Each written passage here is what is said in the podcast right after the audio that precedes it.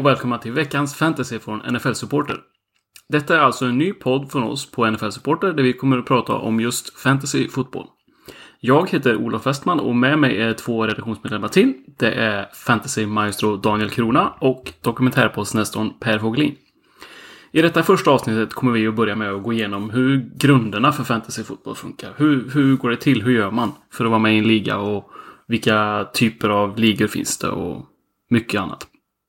Vi kommer också titta på positionsrankingar, strategier, årets trender och mycket annat inför säsongen. Detta kommer i, i nästa senare avsnitt. Eh, det kommer finnas ordentligt med matnyttig information för både nybörjaren och de som är mer erfarna, hoppas vi.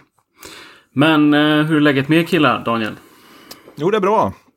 Det är bara bra. Nu är man riktigt eh, taggad på både att den vanliga säsongen och fantasy-säsongen ska dra igång här faktiskt. Det känns gött när, när allt börjar att, att närma sig här. Per, allt bra med dig? Jo tack, det känns bra. Nu man laddar inför en ny säsong. Ehm, jag tänkte vi skulle börja så här. Ni kan väl berätta lite om er själva och vad ni har för erfarenhet från fantasyfotboll och hur ni kom in på det här spåret. Eh, Daniel, kan inte du börja? Jo, eh, det kan jag göra. Eh, jag har ju följt eh, amerikansk fotboll ganska länge. Jag fick ju upp intresset redan på 90-talet. Därav, eh, därav har jag ju fattat tycke för Buffalo Bills som inte har varit så, så bra sedan dess. Så att jag har ju fått eh, fokusera lite på annat. Hitta fantasy fotboll för en eh, 8-10 år sedan, någonting sånt. Och eh, har eh, blivit mer och mer eh, intresserad av det. Jag har spelat alla möjliga olika spelformer som, eh, som finns där. Men eh, mestadels vanliga ettåriga sådana här standardligor som eh, precis som de som vi själva arrangerar på NFL Supporter i år. Mm, per, hur ser det ut för dig? Hur kom du in på fantasyfotboll? Eh, det är väl som ett led i att jag har bloggat och skrivit om amerikansk fotboll i snart tio år. Eh, då blev det nästan oundvikligen så att man var tvungen att titta på det här med fantasy. Ja, förutom att det dessutom visade sig vara ganska kul då, så det är ett väldigt bra sätt att fördriva tiden när det är reklampauser och annat. Så att och hålla kontakt med andra kompisar som är likasinnade. Så det jag tycker det, ja, det var väl så jag kom in på det. Mm. Ehm, jag tänkte så här, om, om vi förutsätter att jag spelar dum här nu då och kan ingenting om fantasyfotboll och jag är helt nybörjare liksom. Kan inte ni berätta lite för mig? Vad, hur, hur funkar det och vad går det ut på? Daniel, vad, vad är fantasyfotboll? Ja, fantasy fotboll handlar ju om att man, eh, man skapar en liga med ett antal lag i och varje lag coachas av en eller eh, två stycken eh, ja, vanliga fotbollsintresserade människor som eh, har eh, hittat varandra på, på något vis. Oftast eh, är det ju eh, online men det finns ju även eh, ligor som sker helt och hållet eh, analogt om man säger så. Där man, eh, där man träffas och sköter draft och så vidare. Eh, sen väljer man ut eh, i tur och ordning ett eh, antal spelare. Oftast är det ju offensiva skills-spelare då som, eh, som väljs ut som sen får poäng vecka för vecka. Eh, beroende på hur bra de spelar i matcherna helt enkelt. Och, eh, utifrån det sen så, så får man ett, eh, en grundserieresultat och eh, sen vidare till ett slutspel. Och slutligen vecka 16 för det mesta så har man korat en mästare i eh, sin liga då. Det är väl lite eh, kortfattat. Mm. Men Per, hur, hur väljer man spelare? Hur får, hur får man ihop ett lag? Hur går det till? Jag, är, jag höll på att säga som i verkliga livet, men det, det, det gör jag ju inte i verkliga livet. Men eh, precis som de har i NFL så har, de ju en, har man då en draft. Alltså man har en pool med spelare och så turas man om att välja ur den. Eh, vi har ju liknande spel i Sverige många gånger, men då kanske de ofta är baserade mer på att man har en pott med pengar som man ska fördela. Och, och då kan till exempel du och jag ha, har valt precis samma spelare. Men här hamnar man ju i den sitsen då att eh, har jag valt Tom Brady så kan ingen annan välja Tom Brady. Och så eh, håller man på så tills man har fyllt hela sitt lag då. Jag tror man brukar ha standard över 16 positioner ungefär tror jag. Och eh, det är som Daniel säger, det är mestadels offensiva positioner. Och så har man ofta ett försvar då, som representerar av ett helt lag egentligen hur de presterar. Och dessa drafter sköts ju, ja, Det vanligaste är väl kanske att man gör det genom den app som man har signat upp sig på. Eller den tjänst då, som det kan vara på NFLs hemsida så finns det ju en hemsida eller en tillhörande app. Eh, men sen det kanske allra roligaste är om man gör det analogt kan jag tycka då. Att man träffas ett gäng, eller ja, ligan då och eh, väljer spelare live så att säga. Klistrar upp lappar på en stor vägg oftast då, eller något liknande. Och, och redogör för sina val. Och sen när allt är klart så får chefen för ligan helt enkelt mata in det till sin burk och så kan man köra digitalt resten av säsongen. Mm. Um, de här poängen då, Daniel du pratar om att man uh, får poäng efter hur spelarna presterar. Kan du berätta lite mer? Hur, hur funkar det liksom med poängen? Uh, ja, oftast är det ju uh, kopplat till verkliga värden i matcherna så att säga. Om en uh, running back springer för ett visst antal yards så får den poäng baserat på det. Och en receiver om den tar emot passningar för ett visst antal yards så, Eh, så får man poäng för det. Quarterbacks får ju poäng för eh, hur mycket de passar för, eh, om de passar för touchdowns och så vidare. Eh, och så är det väldigt olika eh, hur man har satt upp det i sina ligor. Eh, vissa ligor har ju poäng det börjar bli allt vanligare att man får poäng för eh, varje mottagning man gör i en match. Eh, till exempel PPR som det eh, kallas då. Men eh, det kan variera lite i eh, hur, det, hur det ser ut och det får man ta med i sitt beaktande när man gör sin ranking inför draften och så också lite hur poängräkningen är i den liga man ska spela. Okej, okay, men ja, för, för, mig som eh, nybörjare här då. är det inte så att man då självklart borde välja Patrick Mahomes som första spelare i draften, Per? Ja, eh, vanligtvis brukar man inte ge sig på det, men du är naturligtvis fri att göra dina val, Olof. Eh, det beror lite som eh, Daniel var inne på vilka regler som råder i ligan. Eh, eh, eh om man säger så att in, vi nämnde nu upplägg som kallas för PPR, eller PPR, där man helt enkelt får poäng per mottagning. Eh, då premieras ju spelare som fångar bollar ganska ofta. Och andra upplägget är väl kanske att man inte har det systemet då. Och då tenderar det ju vara de som tillryggalägger väldigt många yards. Till exempel en running back används ju väldigt mycket under en match och matar på och matar på. Och brukar oftast då i de systemen anses som vara lagets lite bread and butter. Det är där man kan samla på sig löpande poäng hela tiden, hela tiden. Eh, Medan då man har, får poäng för mottagningen får man ju börja leta efter de där spelarna i laget som kanske slot receivers eller kanske någon tight end som är quarterbackens eh, vad heter det? Säger man? Security blanket, vad säger man? Snuttefilt på säga, men... Ja. Eh, ungefär som Tony Romo och Jason Witten hade ett sånt här sam samarbete för många år sedan. Eh, och då kollar man då på din fråga här egentligen, om vi ska återgå till den. Så alltså, quarterbacks finns ju ganska mycket av egentligen. Låt säga att du är en, lag, en liga med tio spelare. Eh, det kanske inte är så stor skillnad mellan de tio översta, om man säger så, quarterbacks. Så att, att välja en quarterback kanske man har tid med då. Och så att det gäller att leta reda på de där områdena där man kanske har en fördel gentemot andra. Det kan vara så att det är några spelare, några running backs som genererar, tros generera extremt mycket poäng. Så kanske man ska börja titta på dem först. Det finns alltid tid för att välja en quarterback senare då kanske. Även om det är så är Patrick Mahomes. Men eh, Daniel, vem, vem väljer man först då i, i årets draft? I år så väljer man Saquon Barkley först. Eh, han är ju ett säkert kort. En eh, running back som eh, kommer ta emot eh, passningar och kommer vara en stor del av deras anfall. Och det är väl ofta så man vill, vill tänka. Det som, som har stor betydelse är ju hur startuppställningen ser ut i den ligan man spelar. Ofta så startar man ju en quarterback, två running backs, två wide receivers, en tight end, eh, ett försvar och sen har man ju något som heter flexposition för det mesta också som kan vara running back receiver eller tight end beroende på vad man har som passar bäst i, i laget där. Och det innebär ju att eh, de här positionerna, eh, receiver och eh, running back framförallt, det blir ju väldigt mycket spelare som startar där varje vecka och då blir ju de positionerna mer värdefulla och running back är ju är det ju ännu eh, större skillnad på en receiver på den som är bäst jämfört med den som är sämst av de som startar under eh, veckan. Så därför så blir ju running back-positionen extra värdefull och där är nog Barkley bäst i år. Mm. Spännande.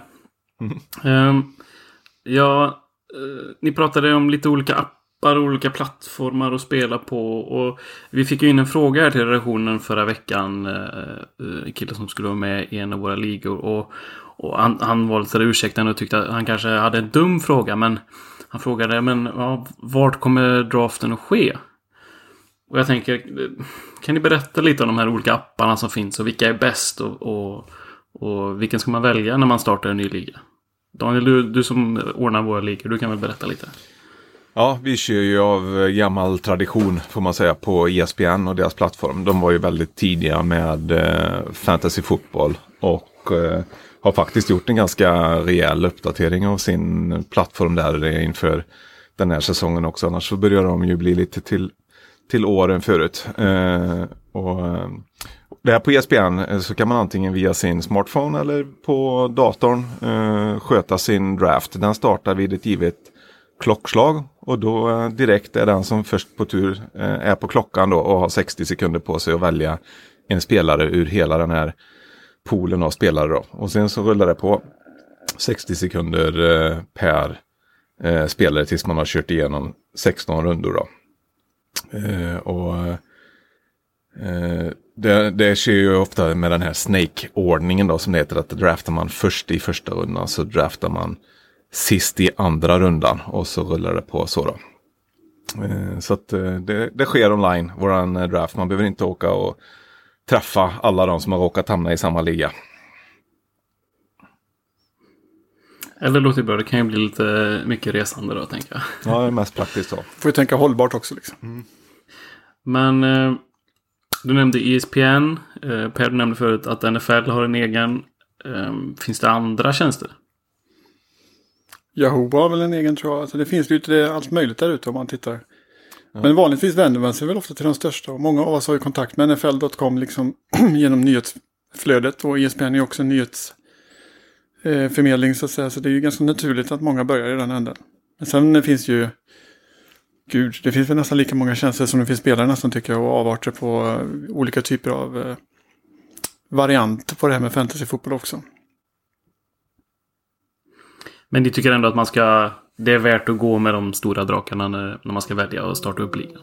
Ja, om inte annat är det ett väldigt enkelt sätt att komma igång och, och liksom eh, ja, lära känna systemet och se hur det funkar. Och sen när man väl känner sig lite mer varm i kläderna så kan man ju börja botanisera lite och se vad som finns där ute och vad det finns för varianter på fantasyfotboll och, och så vidare. Va? Men börja på en stor sajt och kör en standardliga eller något liknande så, så kan man börja botanisera i regelverk och sajter senare med. Mm. Ska man starta en liga nu så kan jag ju faktiskt slå ett slag för uh, den här tjänsten som heter Sleeper som jag är med och draftar på, på nu. Det har varit en väldigt uh, trevlig upplevelse faktiskt. Det är ju uh, framförallt en mobil app då som man gör alltid. Och den har funkat väldigt bra. Den rekommenderar jag. Mm. Den får vi kolla in. Um, jag har hört talas om att det finns lite olika eh, här, spelformer i fantasy. Att man kan behålla spelare och lite olika. Daniel, vad, kan du nämna några av de populäraste formerna? Mm, det allra vanligaste är ju de typen av ligor som vi kör på NFL-supporter som är ettåriga ligor eh, med PPR då. Alltså då, då kör man ett år och sen är ligan eh, avslutad. Eh, och PPR är ju det som vi var inne på att man får poäng per mottagning då. Det finns även ligor som kör eh, där man inte får poäng per, eh, per mottagning och lite olika varianter på det. Man kan få en halv poäng och, och sådär. Sen finns det ju även ligor som spänner över flera år eh, och det kallas ju Keeper eller Dynasty-ligor då. Keeper-ligor, då har man ett eh, begränsat antal spelare som man behåller till nästa år. Oftast kanske om man har 20 spelare kanske man behåller sju, åtta stycken och sen så finns eh, resten tillgängliga i nästa års draft. Eh, Medan Dynasty ligger oftast brukar vara att man behåller lite större trupper och kanske bara draftar eh, årets rookies eller, eller så i, i de ligorna. Och sen finns det även eh, fantasy-ligor som bara är en spelomgång. Eh, daily fantasy som det heter då. Att man Eh, Eh, det blir li lite mer eh, likt det som Per pratade om som vi är vana vid här i Sverige. Att man kanske har en pott med pengar istället och väljer ut de spelare som man tror eh, funkar bäst för de pengarna under den kommande helgen här helt enkelt. Och det är väl de vanligaste formerna. Eh, det här Daily som du pratade om, eh, det är väl ganska förknippat med, med spel och pengar tänker jag också. Ja, det brukar ofta vara med, med någon insats, eh, så ja. Och det är ju stort i USA och inte alls eh, så lättillgängligt eh, här än. Jag vet att jag har lyckats spela det någon gång, men jag kommer knappt ihåg hur, hur faktiskt. Men det, det breder ut sig mer och mer. Jag tror att man kommer se ganska mycket reklam och mycket kring det under den här NFL-säsongen som kommer här. I fotboll i stort och i, i framförallt kanske med fantasyfotboll och, och andra tjänster så finns det ju många förkortningar. Daniel, kan inte du berätta det här? IDP, vad är det för någonting? Ja, IDP är ju försvarsspelare egentligen. Eh, jag vet faktiskt knappt vad förkortningen står för om man ska vara ärlig. Men eh, en del ligor och kanske framförallt eh, lite större dynastiligor och sådär. Eh, en som jag rådar bland annat har ju med eh, försvarsspelare då. Och då kan ju de få poäng för hur de presterar försvarsmässigt. Interceptions, eh, tacklingar, eh, sacks och, och, och så vidare då. Eh, och det kan ju vara lite roligt tillskott till eh, fantasy om man eh, börjat att ledsna lite på alla de standardligorna som man varit med och få tänka till lite på, på något annat vis någon gång. Det är alltså till skillnad från att du väljer ett helt lags försvar. Så nu väljer du individuella spelare på försvarssidan. Precis, oftast brukar man ju ha några positioner att du måste starta kanske två D-line-spelare, två linebackers och två defensive backs till exempel eh, varje vecka. Och då får man se till att ha eh, tillräckligt med spelare på truppen för att man ska kunna eh, få, få in dem i startuppställningen varje vecka. Då. Kräver lite mer av spelarna i den här ligan också. Ja, helt klart. Eh, Vi har pratat om eh, att eh, drafta ihop ett lag, men det finns lite olika sätt att drafta. Per, eh, kan, det finns ju den här Snake-draften som Daniel nämnde och så finns det även auktionsdrafter. Vad, vad är skillnaderna och, och vilken föredrar du? Vilken form? Ja, jag, jag är ju förtjust i gammal hederlig draft om jag ska vara ärlig. Det är lite kul det här med att ha en klocka som rullar eller om man nu, må, eller om man nu samlar ett gäng sådär.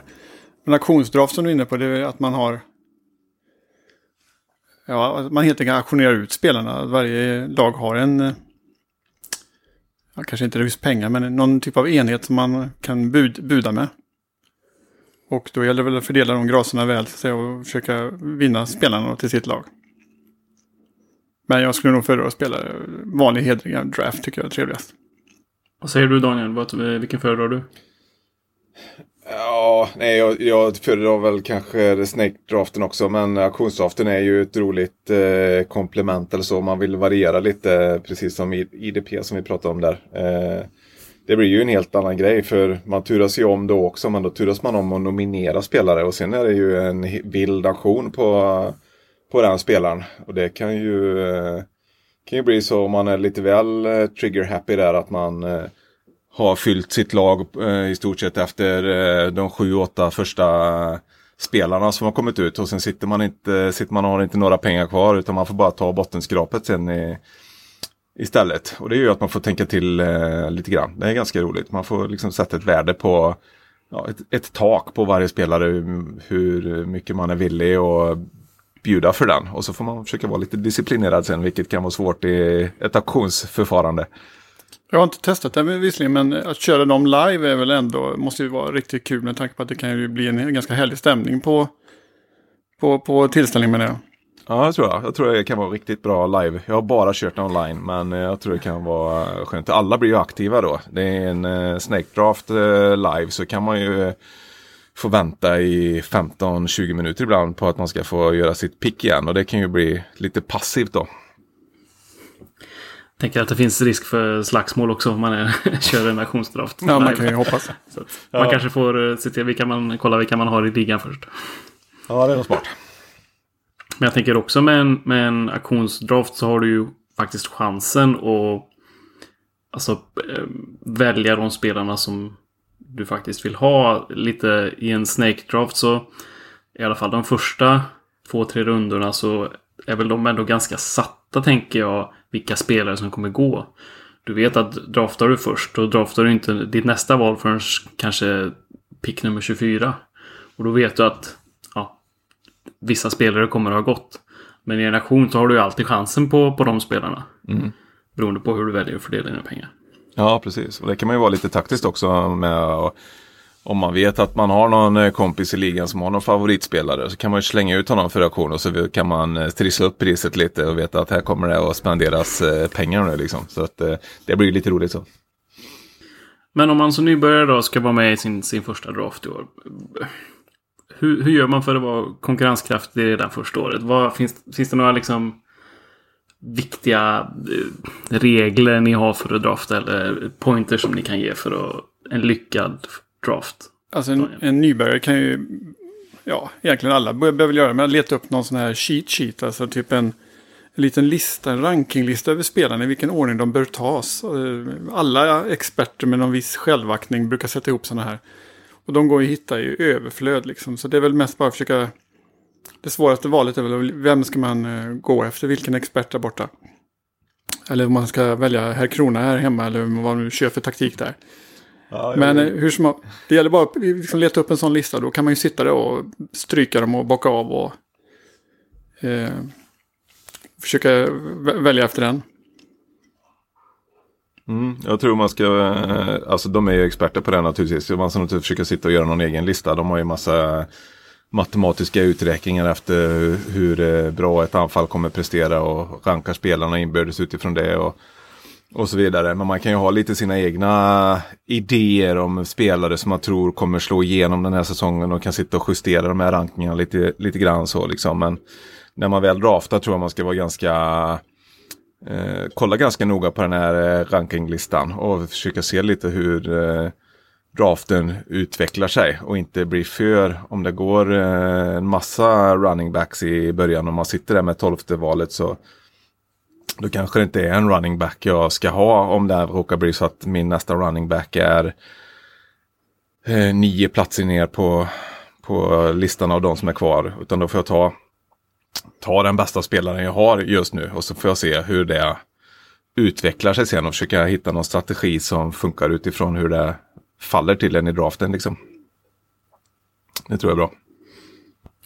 Eh, tidigare år så har man ju pratat om vissa, så här, det har gått vissa trender i, i fantasy football communityt. Att bland annat strategier som zero RB, alltså att man väljer ingen running back i de två första rundorna. Och vad tror ni om, eh, det har börjat snackas om att det, det, mer lag spelar med två tight ends. Tror ni att det kommer kunna vara någonting som slår igenom i år? Att man ser fler tight ends som är konkurrenskraftiga eller? Vad tror du Daniel? Jag tror inte det kommer ha någon jätteeffekt så i fantasyvärlden. Eh, man startar ju i regel en tight end och det är ganska sällsynt att man har en tight end på den här flex-positionen då. Så det kanske startar 12-15 tight ends i en 12-lags liga varje vecka. Eh, och jag tror inte att det finns fler tight ends som spelar på plan under en eh, helg tror jag inte påverkar det särskilt eh, mycket. Men eh, det kan väl förhoppningsvis utveckla tight end-positionen och så, så att man får lite fler intressanta spelare där på sikt. För att det har ju varit en position där det är väldigt topptungt. Eh, det finns kanske en tre, fyra stycken som har riktigt bra fantasyproduktion och sen är det ganska så torftigt efter det. Så att eh, det, det, är väl kanske på sikt får vi hoppas att det kan ha lite effekt även på, på fantasy då. Har ni några mer sådana här klockrena tips som ni vill ge lyssnarna för när de ska drafta i år? Vad, vad ska man göra? Det första tycker jag det är väl att fortsätta lyssna på oss. det, det, tycker jag är det absolut klockrena. Och även läsa på NFL Supporter. Men, eh, men skämt åsido så. Eh, Mm. det gäller väl att googla mycket och vill komma in i det här så, så finns ju all, allsköns små guider till detta. Och det är väl det bästa sättet om man vill komma in snabbt i det här med fantasyfotboll. Mm. Jag, jag, tycker det är en bra eh, liksom, att tänka på är, är eh, det handlar ju om att vinna sin liga. Eh, så att eh, eh, man får inte bli för feg eh, när man draftar. Oftast är det bra att gå på säkra kort i början av draften. Spelare som man vet kommer producera bra. Men ju längre ner i rundorna man kommer så måste man nog försöka hitta lite eh, riskspelare. Spelare som kanske kan överträffa sin draftposition om korten faller rätt liksom och, och kan vara de spelarna som gör att man, eh, man vinner ligan till slut. Eh, och även att man försöker vara aktiv under säsongen och snappa upp de här eh, spelarna som har positiv trend eller som helt plötsligt får en, en ny situation när en annan spelare spelar dåligt eller blir skadad eller, eller sådär. Eh, och sen även, eh, det finns ju i första rundan här nu till exempel en del riktigt bra running backs som eh, har lite osäkra situationer med eh, Seke i, eh, i Dallas Cowboys som håller på och vill ha nytt kontrakt och inte dyker upp på training camp och även Melvin Gordon i Chargers. De är ju jätteduktiga båda två men vem vet, det kan ju bli Levion Bell-situationer för båda de två. Att de kanske inte dyker upp under säsongen överhuvudtaget.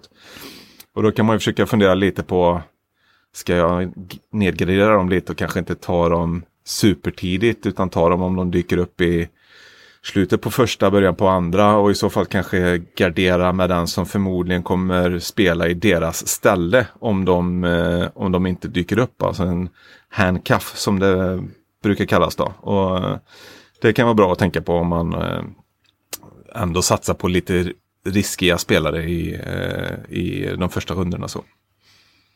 Det är ju ändå så liksom, som du är inne på, det, det första valet du gör är ju ändå så att säga det dyraste. Den spelaren får ju inte fallera. Han får ju inte vara småskadad eller bråka om kontrakt. Utan den här killen ska ju producera vecka efter vecka.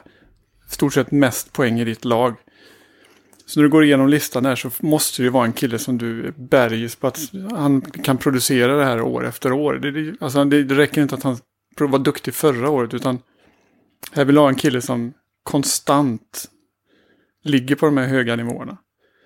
Och, och har du några frågetecken kring att den här killen liksom bara spelar 12 matcher av 16, då är ju inte den killen du ska ha. Utan du måste, som du var inne på Barkley här i, i Giants nämnde vi tidigare, det är ju en kille som säkert kommer fortsätta. Nu är han ju ganska ny i ligan så sett, men det känns som en stabil eh, individ i alla fall.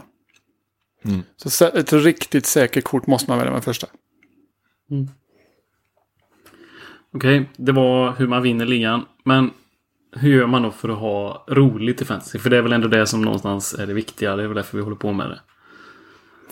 Per? Jag tycker inte vi ska underskatta det här med att förolämpa sina motståndare och ha lite, alltså till sina ligamedlemmar. Eh, bygga upp lite skön stämning och, och, och, piska upp varje match lite. Det där kommer man ju oftast få äta upp då eftersom man kanske åker på torsk då. Men det, det, man, det är ju själva relationen med ligamedlemmarna som är det roliga. Annars hade man ju kunnat sitta vid en dator och göra detta själv. Utan det är ju liksom interaktion med de andra som är egentligen det, det är riktigt eh, kul. Skicka. Hur, hur, får man det då? Hur gör man eh, enklast för att få hitta det här? Alltså, eh, ja, men snacket mellan varandra.